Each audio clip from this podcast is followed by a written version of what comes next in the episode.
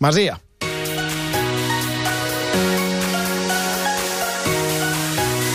La Masia no es toca. Avui l'Oriol Domènech no és aquí de cos present, però no s'ha volgut perdre la seva cita amb la secció del futbol base. Oriol Domènech, bona tarda.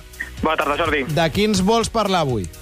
Bueno, doncs un dels jugadors que, que ara està de moda perquè està en el Mundial Sub-17 de la Índia, és un, és un campionat que tothom estem seguint i, i seria Juan Miranda, que jo crec que és un dels grans destacats de la selecció espanyola.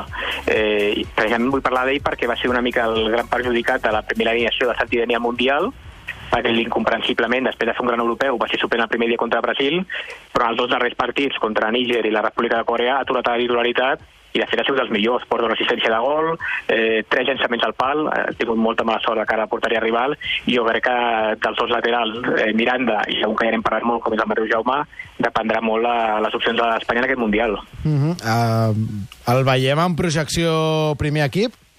Sí, perquè jo crec que té totes les qualitats. És un jugador que ja porta 4 anys al Barça, eh, el van fitxar al primer de cadet al Sevilla, del Betis, perdó, de Sevilla, però és que és un jugador que ho té tot. Jo que en aquests 4 anys a les categories inferiors del Barça, normalment jugava a lateral a l'esquerra, però l'he vist jugar de central esquerrà, l'he vist jugar d'extrem, eh, l'he vist jugar alguna vegada mig del camp i té totes les qualitats que, que, que pot tenir un futbolista. Molt talent, eh, com a té una gran centrada, eh, té molt gol per ser defensa i en les pilotes aèries eh, jo crec que és dels millors jugadors que té el planter del Barça. No, mm. no hi ha córner que, que no remati ell. La selecció espanyola amb la victòria d'avui sobre Corea s'ha classificat per la següent ronda, per tant, els 5 del Barça eren, oi? Eh, correcte, sí, sí. Els 5 o 4? Ara, ara, ara no... 5, 5. 5. Doncs els 5 del Barça van endavant en aquesta, en aquesta competició, en aquest Mundial Sub-17.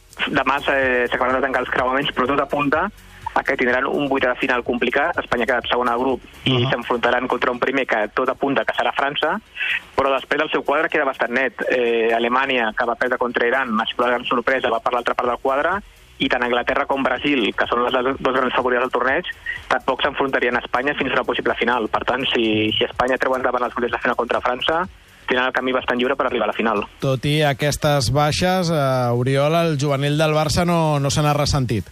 No, no, a més eh, havien d'afrontar aquesta passada setmana dos partits molt complicats i importants, uh -huh perquè el Barça havia perdut 4 punts, dos contra el Bellvitge i dos contra el Cornellà, van al camp de l'Adam diumenge passat i van guanyar 2 a 6, i ahir van jugar contra el que era fins ara el líder, que era el Girona, i van guanyar còmodament a casa amb un bon partit per 3 gols a 0, i ara el Barça ja, ja torna a ser líder de, del grup de divisió 9. Bones notícies pel juvenil de Gabri Garcia, el juvenil del Barça. Oriol, ens retrobem la setmana vinent. Una abraçada. Molt bé, Jordi, que vagi bé.